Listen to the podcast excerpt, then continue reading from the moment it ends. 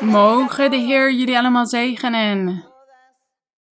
Broeders, zusters, van over de hele wereld, meer dan 60 landen. Daar waar een samenkomst van God is. Die plekken die God heeft willen vormen. Vandaag groet ik jullie met veel genegenheid.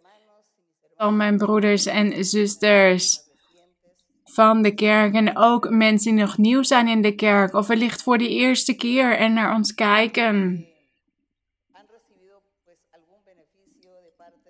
Velen van jullie hebben vele dingen van God ontvangen, want ik hoor over jullie getuigenissen en daar danken we God voor.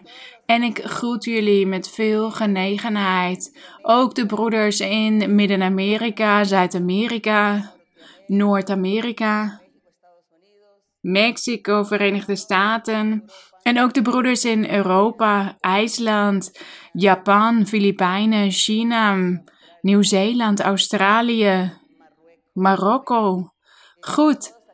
Al die plekken daar in Afrika ook, waar de kerk is begonnen. Mijn geliefde broeders uit Afrika, die samenkomen. Ik hou van jullie. Met heel mijn hart. En ik vraag me altijd af, wanneer kan ik jullie bezoeken? Wanneer de Heer mij dit toestaat. Want die plekken zijn soms een beetje moeilijk te bereiken. Maar voor God is er niets onmogelijk. En ik groet jullie dus allemaal met veel genegenheid. Ik denk dat de pandemie bijna voorbij is. En ik nodig jullie dan ook uit om samen te komen, want ik weet dat gedurende de pandemie velen overheerst zijn door luiheid. En daardoor komen ze nu niet meer samen. Maar de Heer heeft altijd tegen ons gezegd dat we moeten samenkomen. Want in de samenkomst, als we samen zijn, dan ontvangen we zegeningen van God. Dan ontvangen we de geestelijke gaven en de doop met de Heilige Geest. En God spreekt tot de mensen door middel van de geestelijke gaven. Mensen ontvangen genezingen, bevrijdingen. Daarom is de samenkomst zo belangrijk. En laten we gedenken wat de apostel Paulus in Hebreeën zei. Hij zei: Laat de onderlinge bijeenkomst niet na, zoals het bij sommigen de gewoonte is. Sommigen vergeten samen te komen. Ze denken dat het genoeg is om thuis God te zoeken. Maar we hebben de samenkomst nodig, de bijeenkomst, want dan is het wanneer God zich groots openbaart. Jullie hebben het vast zelf meegemaakt als jullie thuis aan het bidden zijn of de Bijbel aan het lezen zijn. Openbaart God zich niet op eenzelfde manier als wanneer we dit samen in de bijeenkomst doen. Dus de pandemie na twee jaar is voorbij aan het gaan. Dus het is weer tijd om samen te komen, om God te loven in de samenkomst en ook vele zegeningen van God te ontvangen. Goed, dit is mijn uitnodiging voor jullie allemaal. En wij gaan verder met het onderricht vandaag. Wij zijn veel aan het leren van de brieven die de apostel Paulus schreef aan de verschillende dorpen of gemeenten in En vandaag, jullie kunnen allemaal plaatsnemen. Vandaag gaan we de Bijbel openen in 1 Thessalonicensen hoofdstuk 4. Hoofdstuk 4. Dit is een kort hoofdstuk. 18 versen. Maar we gaan dit lezen met heel ons verstand met veel inzicht, met een bereidwillig hart om de geloofsleer te leren en te beoefenen, in praktijk te brengen. Dat is het belangrijkste. Dat wij wat wij leren ook in praktijk brengen. Hoofdstuk 4, vers 1 tot en met 18. Dit is wat de apostel Paulus in die tijd onderwees aan de mensen daar op die plekken. De Thessalonicensen en ook de Colossensen. Hij stuurde hen brieven en feliciteerde de gelovigen, de heidenen. We hebben het al veel gehad over de heidenen. In die tijd waren die meeste dorpen waren van de heidenen. Er waren, er was het Joodse volk, maar er waren ook de heidenen. Die twee godsdiensten of die twee religies bestonden er. En God had apostel Paulus geroepen om ook de heidenen het evangelie te verkondigen. En wij beschouwen ons ook. Wij behoorden ook tot de heidenen. Maar dankzij God zijn we één volk geworden, geleid door de Heilige Geest. Hij is het die over ons heerst en die ons één maakt. Hij zorgt ervoor dat we één zijn in de Here. Eén gedachte, één Heer, één geloof. En de Heilige Geest is het die dat werk in ons verricht. Wij als mensen kunnen niet voor die eensgezindheid zorgen. Maar de Heilige Geest doet dat in ons midden, want God is kracht en God is barmhartigheid. En hier staat in vers 1. Eerste Thessalonicensen hoofdstuk 4, vers 1. Verder, broeders, vragen wij u en roepen wij u er in de Heere Jezus toe op dat u, zoals u van ons ontvangen hebt, hoe u moet wandelen en God behagen, daarin nog meer overvloedig wordt.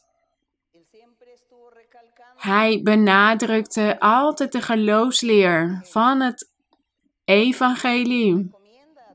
En hij gaf dus iedereen die raad. Ze moesten doorgaan en juist groeien in hun geestelijk leven. Nog meer overvloedig worden. Ze moesten meer van de Heer ontvangen, meer groeien in God. Vers 2, want u weet welke bevelen wij u gegeven hebben op gezag van de Heere Jezus. Want dit is de wil van God, uw heiliging, dat u uzelf onthoudt van de ontucht. De apostel benadrukte in de brieven altijd een aantal zonden. Hij had het niet over alle zonden, want dat zijn er te veel om op te noemen.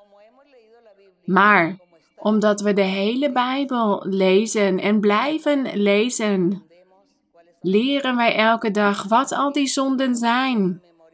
Totdat we ze allemaal uit ons hoofd hebben geleerd. En dan weten we waar we allemaal afstand van moeten nemen om God te behagen. En hier zei de apostel tegen hen: Onthoud jullie van de ontucht. Waarom? Vers 4. En dat ieder van u zijn lichaam of zijn vat weet te bezitten in heiliging en eerbaarheid. Hij had het hier. Hij sprak hier tegen een volk dat zich al bekeerd had tot de Heer Jezus Christus. Hij sprak hier tot een gemeente, een kerk, die al een heilig leven moest leiden. Ze kenden de geloofsleer. En daarom zei hij, en dat ieder van u zijn lichaam of zijn vat, oftewel zijn vrouw, weet te bezitten in heiliging en eerbaarheid. Want in die tijd, en vandaag kan dit ook gebeuren, in die tijd leefden die mannen daar een wanordelijk leven. Want ze hadden niet alleen, ze hadden niet één eigen vrouw, maar ze hadden daarnaast ook vele andere vrouwen. Dat was de gewoonte sinds de oude tijd dat een man vele vrouwen had. Maar in het evangelie van de Heer Jezus Christus begint de Heilige Geest te onderwijzen dat elke man van God, elke man die zich bekeert tot Jezus Christus, tot het ware evangelie, maar één vrouw mocht hebben en niet meer. Hoe moeilijk in die tijd. Hoe moeilijk zou dat zijn geweest, want zij hadden die gewoonte, dat waren hun gebruiken. Dat mannen meerdere vrouwen hadden, maar in het evangelie is het één vrouw. En daarom zei hij hier tegen hen dat u uzelf onthoudt van de ontucht. De apostel hoorde vast vele opmerkingen over dat zelfs de mannen die zich al bekeerd hadden tot de Heer Jezus Christus, dat ze toch nog hun oude leven leefden. Dat ze andere vrouwen hadden naast hun eigen vrouw. En daarom leefden zij in ontucht of in overspel. En daarom staat hij dat ieder van hen zijn vrouw wist te bezitten in heiliging en eerbaarheid.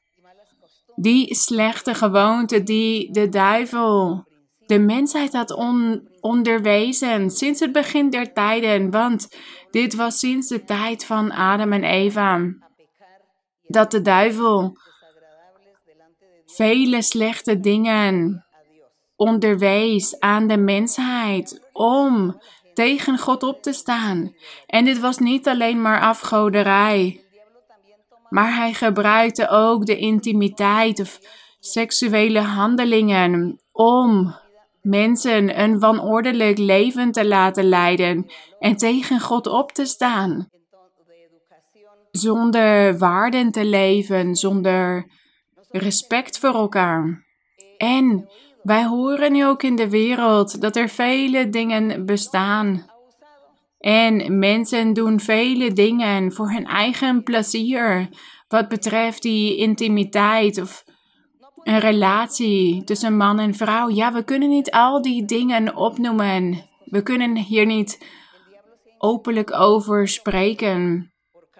Hier in de kerk, want er zijn ook kinderen bij. Maar wij als volwassenen, wij hebben heel veel dingen gehoord over wat de duivel de mensheid onderwijst en wat mensen allemaal doen. Want de duivel heeft vele geesten, kwade geesten, bijvoorbeeld de geest van jaloezie, geest van dwalingen, van onreinheid, van losbandigheid. Het zijn allemaal kwade geesten die in het lichaam van een man of vrouw gaan wonen en hen aanzetten om onbehagelijke dingen te doen.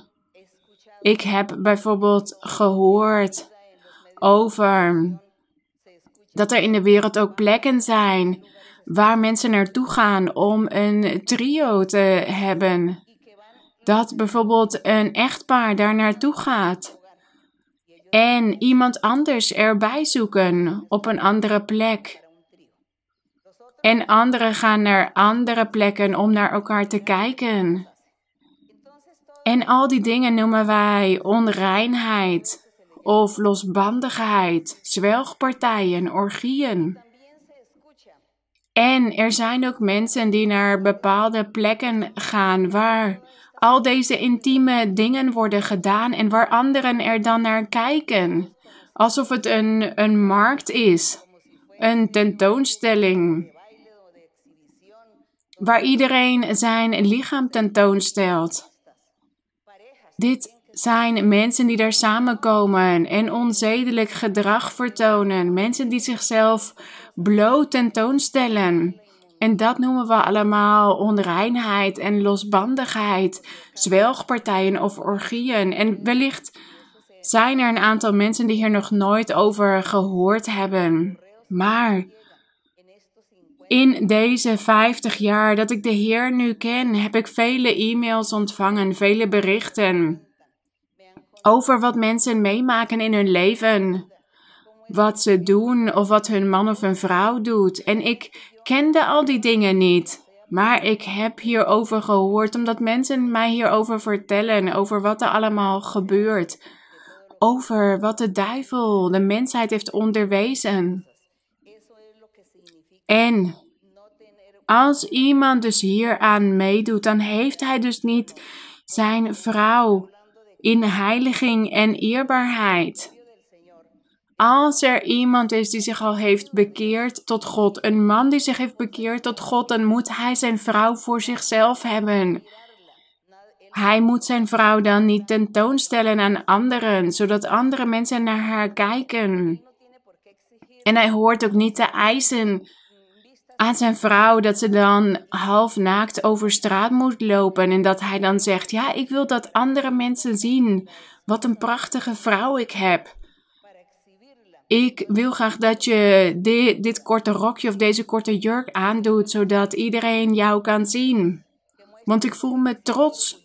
Ik ben trots op jou. Dat jij mijn vrouw bent. En dit soort dingen doen ze dan. En nog veel andere dingen die ik niet op wil noemen.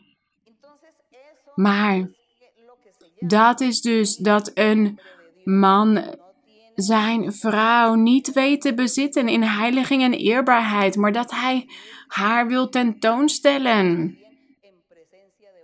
En dat hij zichzelf ook tentoonstelt voor anderen. Dat is niet heiliging en eerbaarheid. Heiliging en eerbaarheid betekent wederzijds respect voor elkaar. En dat man en vrouw zich aan elkaar overgeven in het intieme, maar op een persoonlijke, privé manier. Niemand hoeft hier naar te kijken. Niemand anders hoeft dit te zien.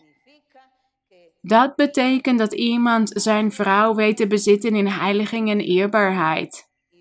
Dat is het. Goed, ik spreek hier niet zoveel over, maar jullie begrijpen wel waarom.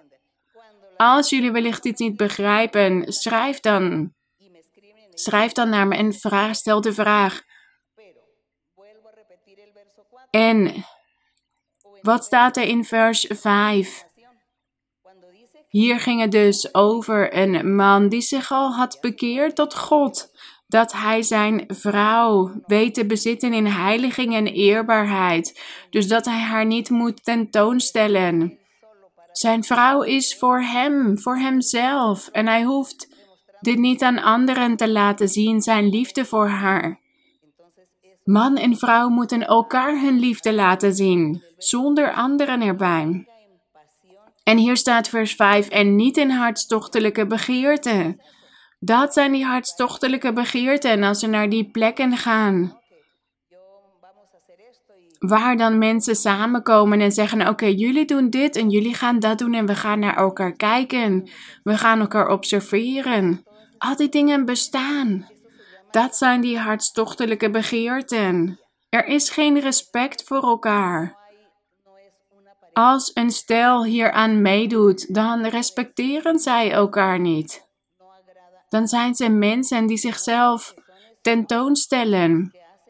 En ik weet dat er mannen en vrouwen zijn die dit doen. Ook echtparen, mensen die getrouwd zijn. En dat behaagt God niet. En ik weet dit omdat vele mensen hier mij over verteld hebben. En daarom begrijp ik je waar de apostel Paulus over spreekt, over die hartstochtelijke begeerten. Hier staat zoals de heidenen, die God niet kennen. Ja, want het Joodse volk had altijd bepaalde waarden gehad, onderwezen gekregen door Mozes. Dus ook in een manier van kleden en een manier van gedragen moesten ze eerbaar zijn en wijs en dat ze op een nette, gepaste manier moesten kleden. Dus onder het Joodse volk zagen we niet dit soort dingen, die hartstochtelijke begeerten. Maar hier staat, het was zoals de heidenen die God niet kennen. Het waren de heidenen die dit soort praktijken hadden, die dit soort gewoonten hadden, niet de Joden. Vers 6 laat niemand over zijn broeder heen lopen en hem bedriegen door zijn handelwijze. Hier gaat het weer over een ander onderwerp, want apostel Paulus sprak ook niet zoveel over die intimiteit. Maar jullie begrijpen nu waar het over gaat. Vers 6 Dus laat niemand over zijn broeder heen lopen en hem bedriegen door zijn handelwijze. Want de Heere is een wreker van dit alles, zoals wij u ook van tevoren gezegd en bezworen hebben. En ik ontvang vele vragen van psychologen bijvoorbeeld. En zij bestuderen vele onderwerpen en vragen mij soms: waarom onderwijst u dit niet in de kerk? Maar ja, in de kerk kunnen we niet alles openlijk onderwijzen, want er komen vele verschillende mensen samen en ook kinderen. Dus met deze versen die we hebben gelezen en de voorbeelden die ik heb gegeven, denk ik dat jullie het goed kunnen begrijpen waar de apostel het hier over had. En hij had het hier over omdat God hem dit had geopenbaard. En God had hem onderwezen en dat een man en een vrouw zich aan elkaar moesten overgeven en dat zij niet naar andere plekken hoefden te gaan daarvoor, elkaar tentoonstellen aan anderen. God houdt er niet van, het behaagt God niet. En in de Bijbel lezen we ook dat de apostel onderwijst dat de vrouw zich op een eerbare manier moet kleden, op een gepaste manier. Dat ze zich ook niet moet tentoonstellen aan anderen door haar manier van kleden.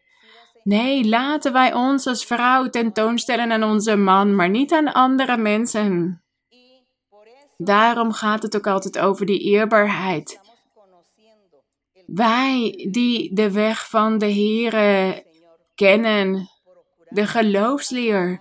Wij willen God behagen in alles en wij vragen God dan ook om ons te helpen. Om Hem te behagen, om Zijn wil te doen, Zijn geboden in acht te nemen, zodat God altijd bij ons is en zodat Hij ons elke dag van ons leven zegent en dat wanneer wij beschermd moeten worden door Hem, dat Hij ons beschermt tegen een gevaar, dat Hij ons beschermt tegen kwade dagen, ongelukken, moeilijke momenten. Wij willen dat God altijd bij ons is. En die zegen ontvangen wij als wij gehoorzame kinderen zijn die de Heer behagen. Als wij afstand nemen van al die slechte dingen.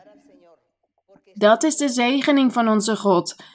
Elke dag is Hij bij ons en elke dag zegent Hij ons. Als we ziek zijn of iets moeilijks meemaken, dan bidden we tot God en dan staat God klaar om ons te helpen, om ons te troosten om ons aan te moedigen en om ons te zeggen dat we door moeten gaan, dat we dapper moeten zijn, om Zijn zegeningen te ontvangen. Dat winnen wij.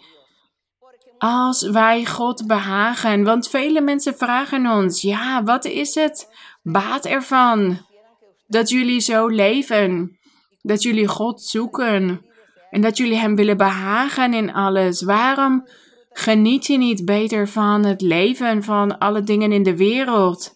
Maar nee.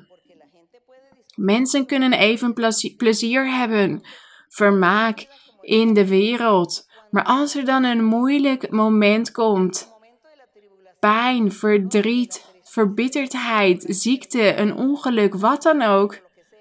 Als een persoon dan die situatie meemaakt en tot God gaat bidden, dan gaat God hem geen antwoord geven. Dan gaat God hem niet helpen, niet troosten, niet vooruit helpen. Dat is het verschil. En daarom, wij die deze weg hebben begrepen en die elke dag meer begrijpen van de Heer, wij doen altijd moeite om door te gaan, om God te behagen in alles. Om zijn wil te doen, zodat Hij altijd bij ons is. Gezegend zij de naam van de Heer. En Hij heeft ons altijd laten zien dat Hij dichtbij ons is. Want wij doen altijd onze best om Hem te behagen in alles.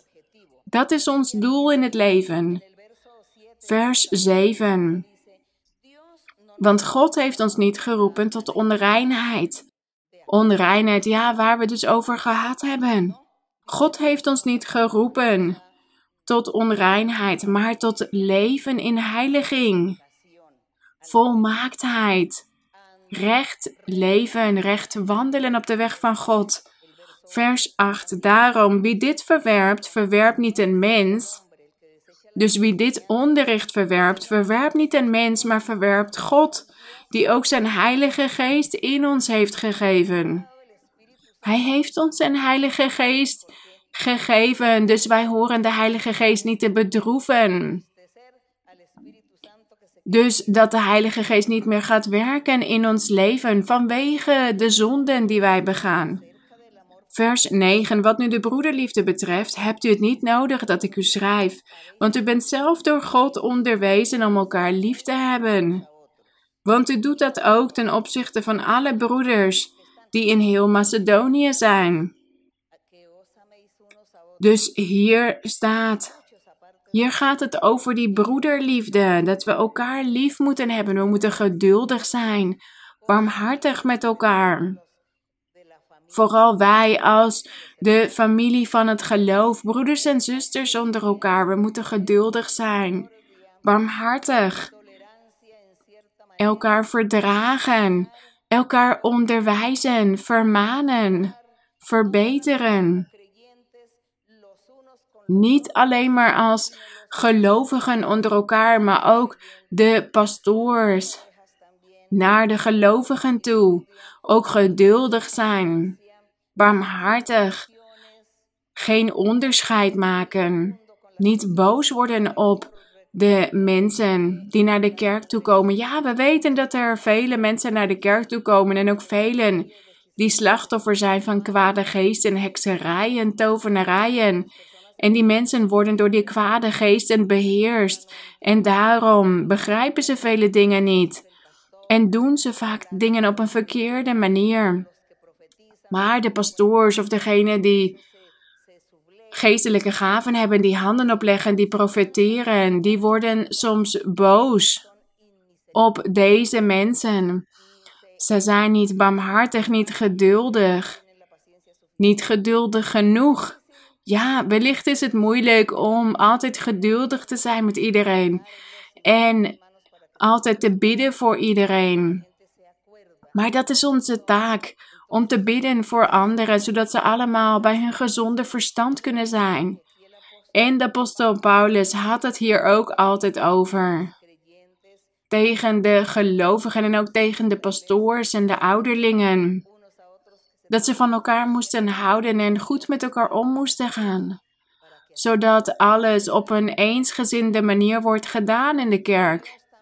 En zodat God zijn geest kan sturen en zijn geestelijke gaven dat Hij ons geestelijke gaven geeft om Hem te dienen. En dat we elkaar kunnen dienen. Met die geestelijke gaven van God. Dus vandaag dezelfde raad. Wij als gelovigen en ook de pastoors of de leiders naar de gelovigen toe, de predikers, we moeten allemaal inzicht hebben en op een intelligente manier met elkaar omgaan om God te behagen en elkaar te kunnen onderwijzen. Vers 10, want het doet dat ook ten opzichte van alle broeders die in heel Macedonië zijn. Hij had het hier over de Thessalonicensen. Maar vandaag zien we dezelfde problematiek. We zien ook dezelfde gevallen in de kerk, dezelfde dingen die gebeuren. Dus dit woord is niet alleen voor het verleden, het leeft in ons leven. En wij moeten dit ook in praktijk brengen om de Heer te kunnen behagen. Wij roepen u echter toe op, broeders, dat nog veel meer te doen en er een eer in te stellen, rustig te zijn en uw eigen zaken te behartigen en te werken met uw eigen handen, zoals wij u bevolen hebben, opdat u op een gepaste wijze wandelt ten opzichte van hen die buiten staan en niets nodig hebt. Dus een goed getuigenis, georganiseerd zijn, verantwoordelijk, op een goede manier werken. En dat we ons dus goed gedragen in de kerk, maar ook ten opzichte van hen die buiten staan. Vandaag is het precies hetzelfde. 2000 jaar geleden en vandaag de dag. Wij moeten ook op een gepaste wijze wandelen. Wij moeten ook een recht leven leiden, oprecht in de ogen van de Heer, de glorie zij aan God. En hier vanaf vers 13 verandert de apostel van onderwerp. Hij zegt hier, als jullie dan op een gepaste wijze wandelen, als jullie de wil van God doen, als jullie de ontucht hebben afgelegd, overspel, als jullie één vrouw hebben voor jullie zelf en niet meer andere vrouwen zoeken. Als jullie dit allemaal hebben gedaan, als jullie een heilig leven leiden, als jullie die geestelijke gaven hebben ontvangen, wat zal er dan gebeuren in uw leven? Wat zult u dan ontvangen in de toekomst? de prijs, een beloning van God. Waarom? Omdat u door zult gaan. Omdat u het einddoel zult bereiken. De dag van uw overlijden. Dan zult u gelukkig en tevreden zijn. Omdat u dan voor uw verlossing hebt gewerkt gedurende uw leven. U hebt dan overwonnen. Dat is dan de dag van de overwinning, de dag van uw overlijden. Omdat u dan het eeuwige leven zult ontvangen. En daarom begon de apostel te spreken over de wederkomst van Christus. Hij dacht dat dat moment heel dichtbij was. En voor de Heer, voor God bestaat er geen tijd. Dus hij zegt altijd: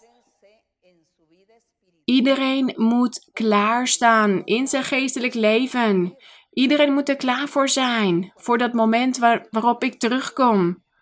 Want ja, wij kunnen wel zeggen: Ik ben 40 jaar en ik heb nog vele jaren te leven. Maar dat weten we niet. We zien dat mensen overlijden als ze nog jong zijn, zelfs kinderen, jongeren.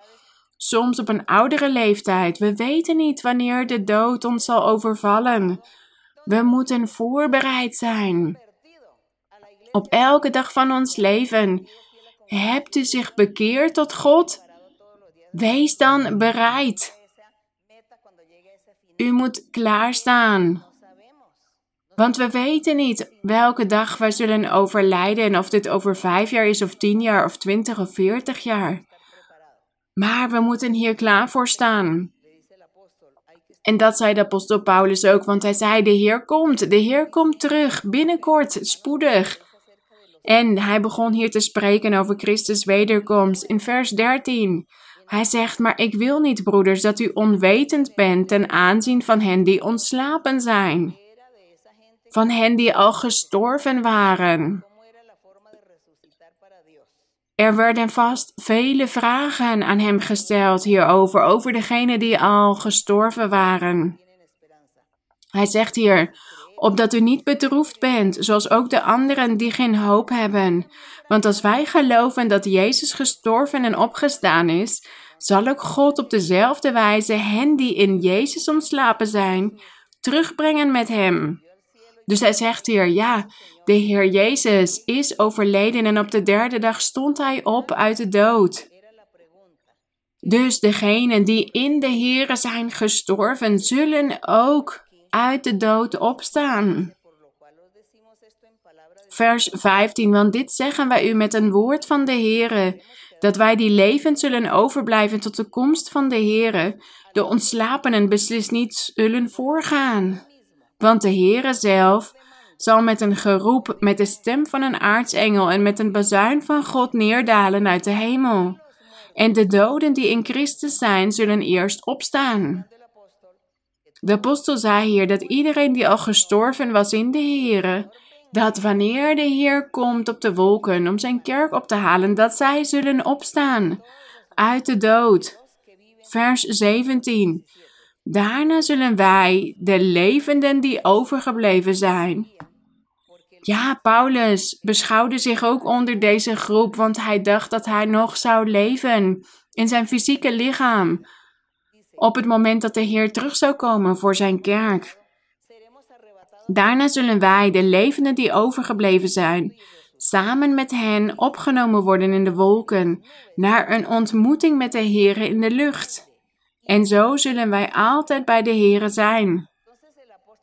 Dus de apostel was hier aan het uitleggen dat de strijd die geleefd moest worden, dat men een heilig, oprecht leven moest leiden voor God, de geboden van God in acht moesten nemen, want dat had een belangrijk doel, een belangrijke overwinning voor iedereen die hier moeite voor zou doen die zou ook opgenomen worden in de wolken, naar een ontmoeting met de Here in de lucht. Goed, er zijn meer dan 2000 jaar al voorbij gegaan.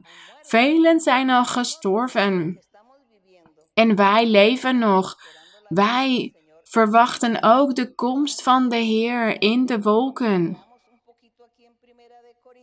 En laten wij naar 1 Korinthe gaan om ook over dit onderwerp te lezen. De komst van de Here. Zijn wederkomst. 1 Korinthe hoofdstuk 15. Vers 45. Het hoofdstuk is te lang om dit helemaal te lezen.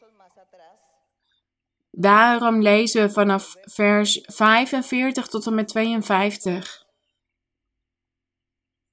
Hier staat: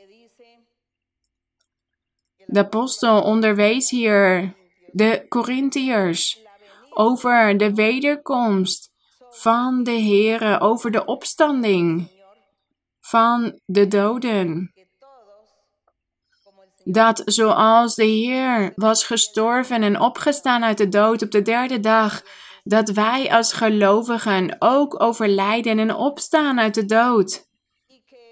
Op de dag dat de Heer zal komen in de wolken, dan zullen wij opstaan uit de dood. Degenen die dan al overleden zijn, hun fysieke lichaam, die zullen dan hun lichaam terugkrijgen en veranderd worden in een geestelijk hemels lichaam. En ook degenen die dan nog in leven zullen zijn, die zullen, hun lichaam zal ook veranderd worden om op te kunnen varen in de wolken. Dat is de belofte van onze Heer.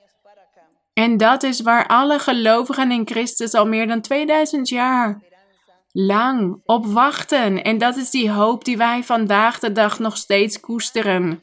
Want wij weten ook dat de Heer zal komen in de wolken en wij hopen ook dat dat moment dat we daarbij mogen zijn, dat wij ook uit de dood mogen opstaan. Of dat als we nog in, degenen die dan nog in leven zijn, zullen dan een hemels, een heerlijk lichaam krijgen. Vers 45, zo staat er ook geschreven. De eerste mens Adam is geworden tot een levend wezen. Dat is het fysieke, de fysieke Adam die uit stof was gemaakt, uit het stof van de aarde. Dat is wat wij van hem hebben ontvangen, de erfenis die wij van Adam hebben ontvangen, dat wij ook een levend wezen zijn geworden, een ziel met een lichaam. En hier staat de laatste Adam tot een levendmakende geest. En deze laatste Adam, dit is de Heer Jezus Christus. De eerste Adam is dat fysieke lichaam dat wij krijgen, maar dat op een gegeven moment vergaat. Dat wordt teniet gedaan. En dan zijn wij alleen nog een levend wezen. Maar de laatste Adam tot een levendmakende geest, dat is Christus, die geeft leven. En wij die geloven in de Heer, wij die zijn geboden in acht nemen, dan zijn wij ook een levend wezen, omdat de Heer ons dan levend heeft gemaakt. Want Hij is die levendmakende geest. En Hij zal ons dan een heerlijk lichaam geven wanneer Hij op de wolken komt. En het is belangrijk dat we dit goed begrijpen, want velen schrijven maar hierover dat ze het niet begrijpen. En in 1 Korinthe 15, vers 46 nu. Het geestelijk is echter niet eerst.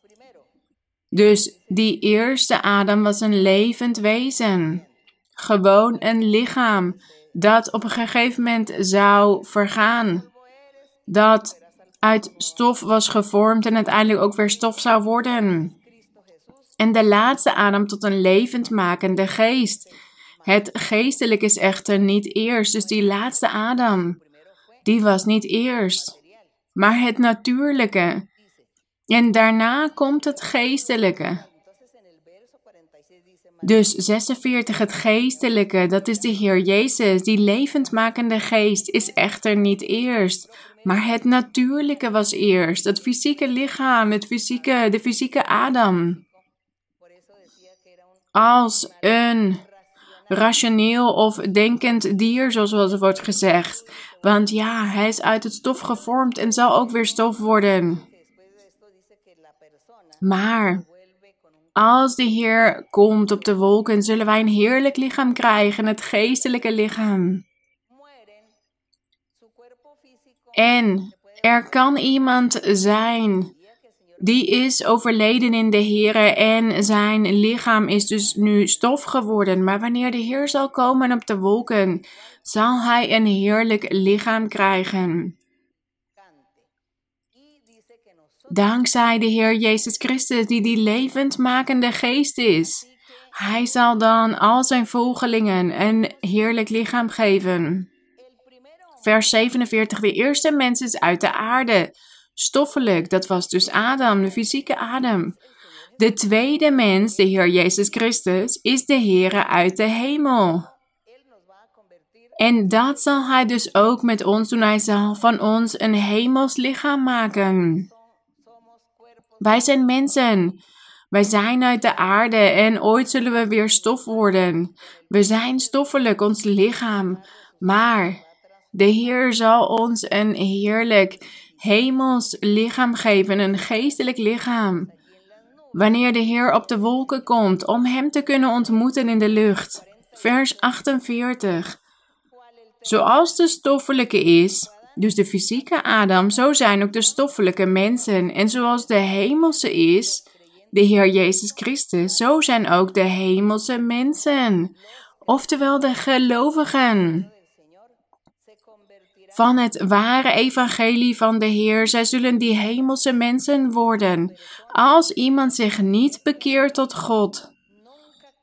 Als iemand zich nooit heeft willen bekeren tot God, maar als hij zijn leven is blijven leiden op een aardse, wereldse manier, voor die persoon is er geen hoop dat hij ooit een hemels mens mag worden.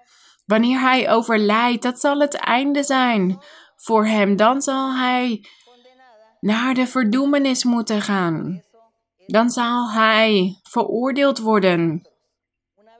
En daarom, nu wij de Bijbel kennen, willen wij dit boek nooit meer vergeten, nooit van ons afleggen. We willen hier geen afstand van nemen, want wij willen juist weten hoe wij ooit zo'n hemels mens kunnen worden. Dat God ons een heerlijk lichaam geeft om Hem te kunnen volgen naar het eeuwige leven. Omdat wij op Zijn weg hebben gewandeld, het evangelie van de Heer. Dat is onze strijd en dat is onze hoop. En dit is ook een uitnodiging voor al die mensen die bijvoorbeeld nog geen Bijbel hebben, de Bijbel nog niet hebben kunnen lezen. Zoek naar een Bijbel, zorg voor een Bijbel, zodat u de onwetendheid kunt afleggen. Waarom bent u hier op aarde? Waarom bestaat u? Wat is het doel van ons leven? Daar moeten we de Bijbel voor lezen en op God vertrouwen en God geloven, zodat u ook kan deelnemen en al deze geestelijke hemelse zegeningen die God biedt aan de mensheid. Vers 49. En zoals wij het beeld van de stoffelijke gedragen hebben, zo zullen wij ook het beeld van de hemelse dragen. Maar dit zeg ik, broeders, dat vlees en bloed, oftewel ons fysiek lichaam, het koninkrijk van God niet kunnen beërven. Ja, want ons lichaam zal weer stof worden als we overlijden. Maar wanneer de Heer komt op de wolken om zijn volk op te halen, zijn kerk, degenen die dan al overleden zijn, zullen hun lichaam terugkrijgen en veranderd worden in een heerlijk lichaam. En degenen die nog in leven zijn, die zullen dan ook veranderd worden in een heerlijk lichaam, want voor God is er niets onmogelijk. Maar daarom staat hij in vers 50 dat vlees en bloed het koninkrijk van God niet kunnen beërven. Het is niet ons fysiek lichaam. En de vergankelijkheid beërft de onvergankelijkheid niet. Zie, ik vertel u een geheimenis. Wij zullen wel niet allen ontslapen. Wij zullen niet allemaal sterven op een fysieke manier. Dat is wat de apostel zegt, maar wij zullen allen veranderd worden.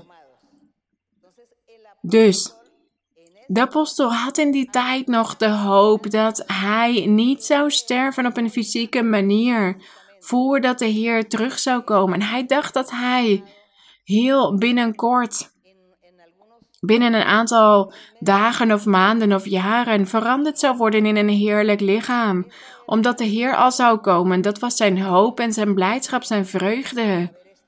Maar dit is niet zo geweest, want ja, meer dan 2000 jaar zijn voorbij gegaan. En wij lezen dezelfde dingen in de Bijbel en wij weten ook dat de Heer zal komen op de wolken. Dat is zijn belofte. Het woord van God faalt nooit. Hij liegt niet. Het woord van God is standvastig en betrouwbaar en wat hij zegt, dat brengt hij in vervulling op de dag dat hij dat bepaalt. Op de vastgestelde dag. En de Heer zegt in zijn woord dit, dat de Heer zal komen op de wolken. Dus wij vandaag, net als de apostel Paulus in die tijd, zeggen: Niet iedereen zal sterven. Goed, wellicht zijn wij vandaag de dag iets realistischer. En wij zeggen: Ja, Heer, wij zullen vast overlijden voordat u terugkomt. Want we weten niet in welk jaar u zult terugkomen. Maar wij zullen vast al overleden zijn. Maar u zult ons een heerlijk lichaam geven. U zult ons laten opstaan uit de dood. En wij zullen bij u zijn in de wolken. Dus dat is onze verwachting. Dat is onze hoop. En mensen vragen soms: ja, maar iedereen die al overleden is op de weg van de Heer, waar zijn ze nu dan? In welke plek zijn zij? En we lezen in de Bijbel dat de Heer spreekt over een paradijs. Toen de Heer op het kruis hing, herinneren jullie dat er twee misdadigers naast hem hingen en dat een van die twee tegen hem zei: Denk aan mij, heren, als u in uw koninkrijk gekomen bent. En de Heer gaf hem toen het antwoord. Hij zei: Omdat jij in mij hebt geloofd, omdat jij weet dat ik die kracht heb om aan jou te denken. Als ik in mijn koninkrijk gekomen ben, dat betekent dat je in mij gelooft, dat je mij hebt aangenomen en daarom zal ik je zegenen. Vandaag zul je nog bij mij zijn in het paradijs. Toen de Heer dit zei, omdat de Heer dit zei, dat betekent dat degenen die overlijden op de weg van de Heer, dat zij in dat paradijs zijn. En wij zeggen wellicht niet dat de Heer in onze dagen nog zal komen. Want het evangelie is nog niet over de hele wereld verkondigd zoals God dit wil. Het woord van God is nog niet in de harten van vele mensen zoals Hij dit wil. Dus wij weten dat Hij nog niet zal komen op de wolken. Dat het nog even zal duren. Maar op de dag dat wij overlijden, zullen wij naar het paradijs mogen gaan, naar die speciale plek van de rust en waar wij zegeningen van God zullen ontvangen. En we weten niet voor hoe lang, maar we zullen daar genieten en dat is het belangrijkste. Als wij met God leven hier op aarde, dan mogen wij daar ook bij Hem zijn. Dat is onze strijd en onze hoop. Daarom doen wij moeite. Daarom houden wij zijn hand vast, zodat we hem vele vruchten kunnen laten zien als wij voor hem staan. Het is belangrijk. Waar gaan wij naartoe als de Heer komt op zijn wolken? Op de wolken, dan zullen wij vast in het paradijs zijn en mogen wij naar Hem toe gaan. God is kracht. Hij kan alles doen. Voor Hem is niets onmogelijk. Want er zijn ook mensen die zeggen: ja, maar er zijn ook mensen die zijn overleden en hun lichaam is gecremeerd en hun as is bijvoorbeeld over de zee uitgestrooid. Maar heeft God dan geen kracht om dat lichaam weer terug te geven aan die persoon? Voor God is er niets onmogelijk. Hij kan dat as weer bij elkaar brengen en hier weer een lichaam uitvormen. En dan die persoon een heerlijk lichaam geven. Want dat is zijn belofte dat hij het lichaam zal teruggeven en dan een heerlijk, dit zal veranderen in een heerlijk lichaam. Hoe kunnen we daaraan twijfelen? Voor God is er niets onmogelijk. Dit is wat de apostel Paulus altijd onderwees en wij ook. We lezen de Bijbel en we zien dat wat zij in die tijd meemaakten, dat wij hetzelfde meemaken. dezelfde situaties. God is ook bij ons. De geest van God is bij ons. De geestelijke gaven. De Heer heerst over ons. Hij regeert over ons. Dus waarom zouden wij zijn bevelen niet opvolgen, zijn woord, zijn geboden in acht nemen? Dit is het geheimenis waar de apostel het over had. Want hij zei hier: Zie, ik vertel u een geheimenis in vers 51. Wij zullen wel niet allen ontslapen, maar wij zullen allen veranderd worden in een ondeelbaar ogenblik, in een oogwenk, bij de laatste bazuin. Immers de bazuin zal klinken en de doden zullen als onvergankelijke mensen opgewekt worden en ook wij zullen veranderd worden. Dat is die goddelijke belofte. Die belofte die de Heer had gedaan in die tijd, toen de Heer net was begonnen met zijn kerk, met de bouw van zijn tempel, zijn gemeente, zijn kerk. Dit deed hij met de apostelen in die tijd. En hij openbaarde hen vele dingen. En vandaag de dag verwachten wij diezelfde belofte. En wij weten dat God dit zal vervullen op, op zijn tijd, op, zijn, op het moment dat hij dat bepaalt. En ondertussen verkondigen wij alle mensen en zeggen wij: Goed, wij onderwijzen wellicht niet. Als u zich niet bekeert, dan zal de Heer komen en zult u naar de hel moeten gaan. Nee, wij prediken niet op die manier. Wij verkondigen niet op die manier. Nee, wij zeggen juist, we verkondigen. Ken God, leer God kennen.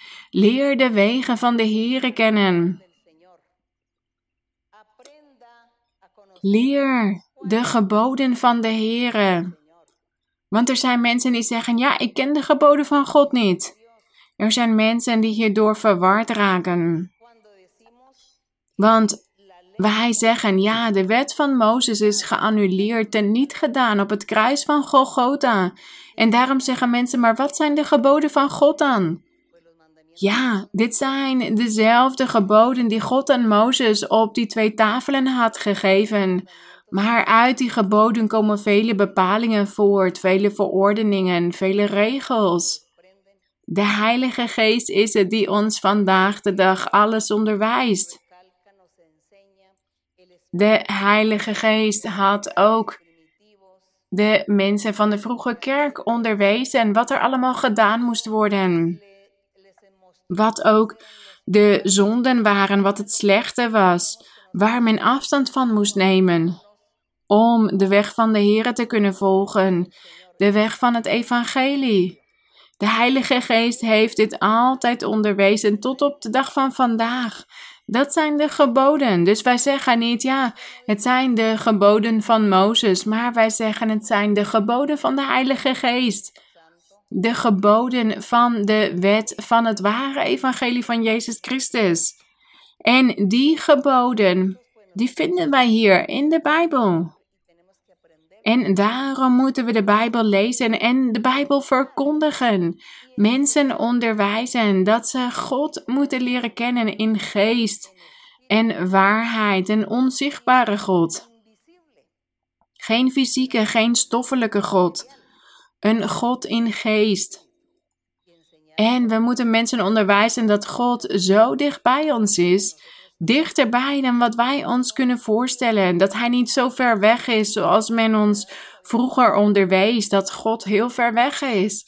Ja, God is ver weg van degene die in zonde leeft, die de zonde doet, want Hij zegent hen niet. Maar wij, die zijn weg kennen.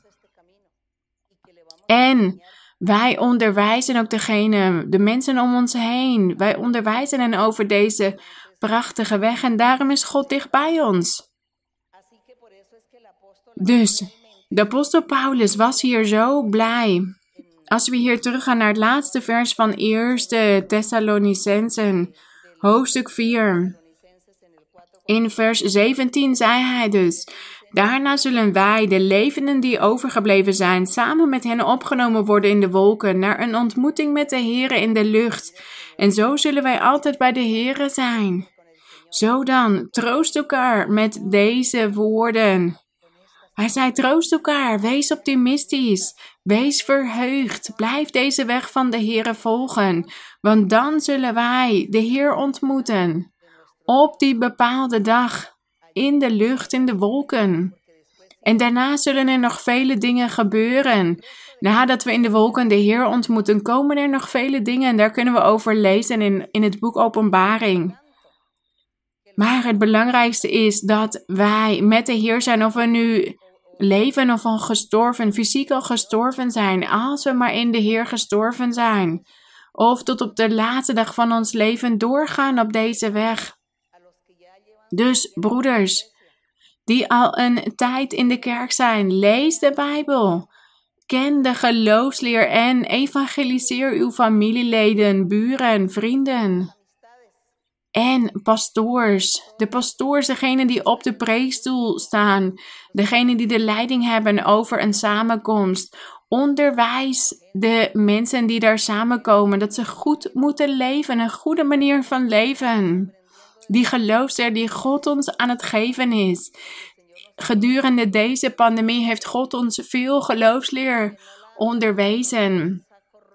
En laten wij ervoor zorgen dat het niet door één oor naar binnen gaat en door het andere weer naar buiten. En dat we alleen maar zeggen, ja, wat mooi de Bijbel, wat mooi de schriften, maar dat wij het vergeten en dat wij het niet beoefenen en in praktijk brengen. De pastoors moeten ook onderwijzen, elke dag weer onderwijzen dat de gelovigen altijd de Bijbel moeten lezen, met God moeten spreken, tot God moeten bidden, zodat God bij iedereen kan zijn, bij iedereen van ons en dat Hij ons zegent. Dus dat is dit evangelische werk. We zien hoe de apostel hier ons ook evangeliseert. En wat doen wij ook vandaag de dag? Wat doen wij in ons dagelijks leven? Wat doen wij als wij samenkomen als kerk? Dan worden wij ook geëvangeliseerd door de Heilige Geest. Want God brengt altijd in herinnering wat Hij van ons wil. Dat is het. Dus mogen God ons helpen. Mogen God jullie allemaal helpen. Mogen Hij bij jullie zijn. En mogen Hij jullie de Heilige Geest geven. Mogen Hij dopen met de Heilige Geest. Mogen Hij de geestelijke gaven aan iedereen geven. Mogen in de samenkomsten, in de gemeente, in de kerken vervuld worden, zoals in Efeze hoofdstuk 4, vers 11 staat dat de Heer zelf profeten, apostelen, evangelisten, leraars, herders heeft aangesteld om de heiligen volmaakt te maken, te heiligen, zodat mensen heilig leven, zodat mensen zich bekeren tot God. En God altijd blijven zoeken. En wij danken God ook voor de technologie van vandaag de dag. Want in een ogenblik kunnen wij de hele wereld bereiken. Wij danken onze God hiervoor. Dit is zo gemakkelijk vandaag de dag om de hele wereld te evangeliseren. In de tijd van de apostel Paulus was dit heel anders. Hij moest van het ene dorp naar het andere dorp reizen en soms per voet of per boot of hij ging per kameel. De het was heel moeilijk om te reizen, om, het kostte veel tijd. En vandaag de dag hebben wij deze technologie. En op hetzelfde moment kunnen mensen over de hele wereld ons horen en daar danken wij onze God voor. Dus wij moeten de luiheid afleggen. Samenkomen, bijeenkomen in de samenkomst om God te zoeken in de avonden tijdens de diensten. De doop met de Heilige Geest zoeken. De geestelijke gaven. Dus niet alleen maar naar de kerk te komen om profetie te ontvangen. Nee, ja, het is zo mooi om profetie te ontvangen, dat God tot ons spreekt. Maar nog mooier is het om zelf het geestelijke te zoeken, God te loven, zijn naam te verheerlijken en zijn geestelijke gaven te ontvangen.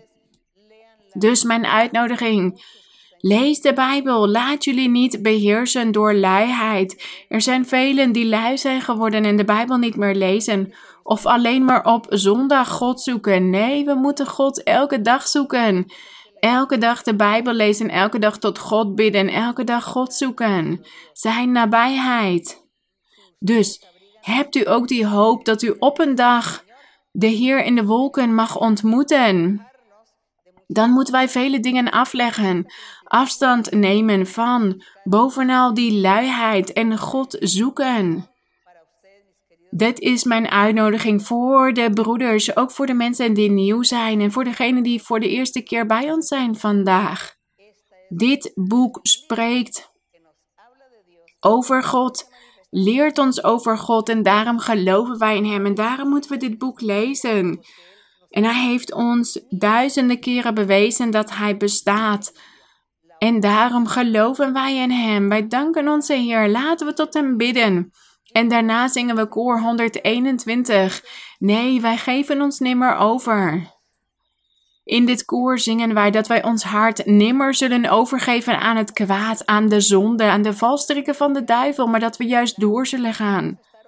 Laten we eerst bidden tot onze God. Jullie allemaal, als jullie ziek zijn, wellicht in het ziekenhuis of thuis iemand die in een rolstoel zit of iemand die het Down-syndroom heeft of zoveel ziekten bestaan er vandaag de dag. Mensen die niet bij hun gezonde verstand zijn. Mensen die niet kunnen spreken, die niet kunnen lopen. Iedereen die dit kan, bid tot God. Vertel God over uw behoeften en uw verlangens. Iedereen heeft wel iets te zeggen tegen God, iets te vragen aan God. Iemand moet wellicht een operatie ondergaan. De ander heeft wellicht kanker. Iedereen heeft wel een eigen behoefte. Dus als we gaan bidden, hef dan uw handen op en sluit uw ogen en praat tot God over uw behoefte, uw verzoek, uw verlangen en God zal u verhoren. God kent uw leven en Hij wil ook dat u moeite doet voor Hem. En laten we ook tot God bidden voor al die toverijen en hekserijen, dat God die wegneemt, vervloekingen, want die zijn overvloedig aanwezig over de hele wereld. Kwade geesten die mensen kwellen. Laten we voor dit alles tot God bidden, zodat Hij barmhartig zal zijn. Laten we bidden. Heilige Vader, Schepper van de hemelen en de aarde, onze krachtige God, u hebt ons geschapen met uw krachtige hand. U hebt ons gemaakt, u hebt ons geformeerd. U hebt ons leven gegeven en u hebt ons uw weg onderwezen. U hebt zich vernederd om naar ons om te kijken. En wij hebben dit prachtige voorrecht, mijn Heer, dat wij voor uw aangezicht mogen komen. Dat voorrecht dat u ons hebt uitgekozen voor uw koninkrijk en wij staan hier voor uw aangezicht. In uw aanwezigheid, u bent onze God, onze Vader, onze Leider, onze Schepper, onze Eigenaar. U bent dat prachtige wezen, almachtig. En wij komen hier voor u. U bent daar op de troon van de genade. En wij willen voor u komen om u om barmhartigheid te vragen en om u eerst te bedanken voor uw goedheid, voor uw barmhartigheid, uw liefde. En ook om u om barmhartigheid te vragen en vergeving, mijn heilige Vader. Barmhartigheid, ontferming. Kijk naar elke man, elke vrouw, elk kind, elke oudere. Iedereen die lijdt, mijn Heer en tot u bid, want ze maken moeilijkheden mee. Ze zijn wellicht verbitterd of verdrietig en er is veel teleurstelling in velen en er zijn mensen die niet bij hun gezonde verstand zijn. Er zijn mensen die niet kunnen spreken, die niet kunnen lopen, die niet voor zichzelf kunnen zorgen. Heilige Vader, strek uw krachtige hand uit naar iedereen en bevrijd. Geef zegening, genees, bevrijd en reinig in de naam van uw Zoon, Jezus uit Nazareth. Strek uw krachtige hand uit, mijn Heer, en openbaart u zich met uw grootste kracht. Verricht wonderen, mijn Heer, en tekenen, want zo hebt u dit beloofd. Vele eeuwen geleden hebt u dit al beloofd. En wij zien vandaag de dag uw wonderen en uw tekenen. Maar er zijn nog steeds velen die lijden. Neem die ontmoedigheid weg, die luiheid, ongeloof, die moedeloosheid. Heer, mag elk hart bereidwillig zijn voor u om uw zegening te ontvangen. Help iedereen om een bereidwillig hart te hebben voor u, om u te behagen, om uw geboden in acht te nemen, om op uw weg te lopen, want u verdient dit, mijn Heer. Mogen elke man, elke vrouw u loven, u verheerlijken. Mijn vader, ik vraag u om te bevrijden, om hekserijen en tovenarijen en vervloekingen weg te nemen. Al het werk van de vijand, breek ketens, verbreek die banden. Bevrijd, mijn Heer, we danken u voor uw liefde, voor uw barmhartigheid, voor uw liefde en uw vergeving. Zegen iedereen, bevrijd, mijn Heer. Genees, wij danken u, mijn Vader. De lofuitingen zijn aan u. De eer en de glorie, de lofprijzing zij aan u. Gezegend zij uw naam tot in alle eeuwigheid. Want u bent heilig, rechtvaardig, barmhartig, geduldig en uw beloften zijn betrouwbaar en waarachtig. Uw barmhartigheid is voor eeuwig. Verheerlijkt bent u, mijn Heer, in de naam, de luisterrijke naam van Jezus Christus, vragen wij u dit allemaal. De glorie zij aan God. Help ons, mijn Heer, om in heiliging te leven. Heilig te zijn voor u, afstand te nemen van de zonde. We danken u, mijn Vader. De glorie zij aan u. We danken u, mijn Heer. No, nosotros nunca, nunca cederemos al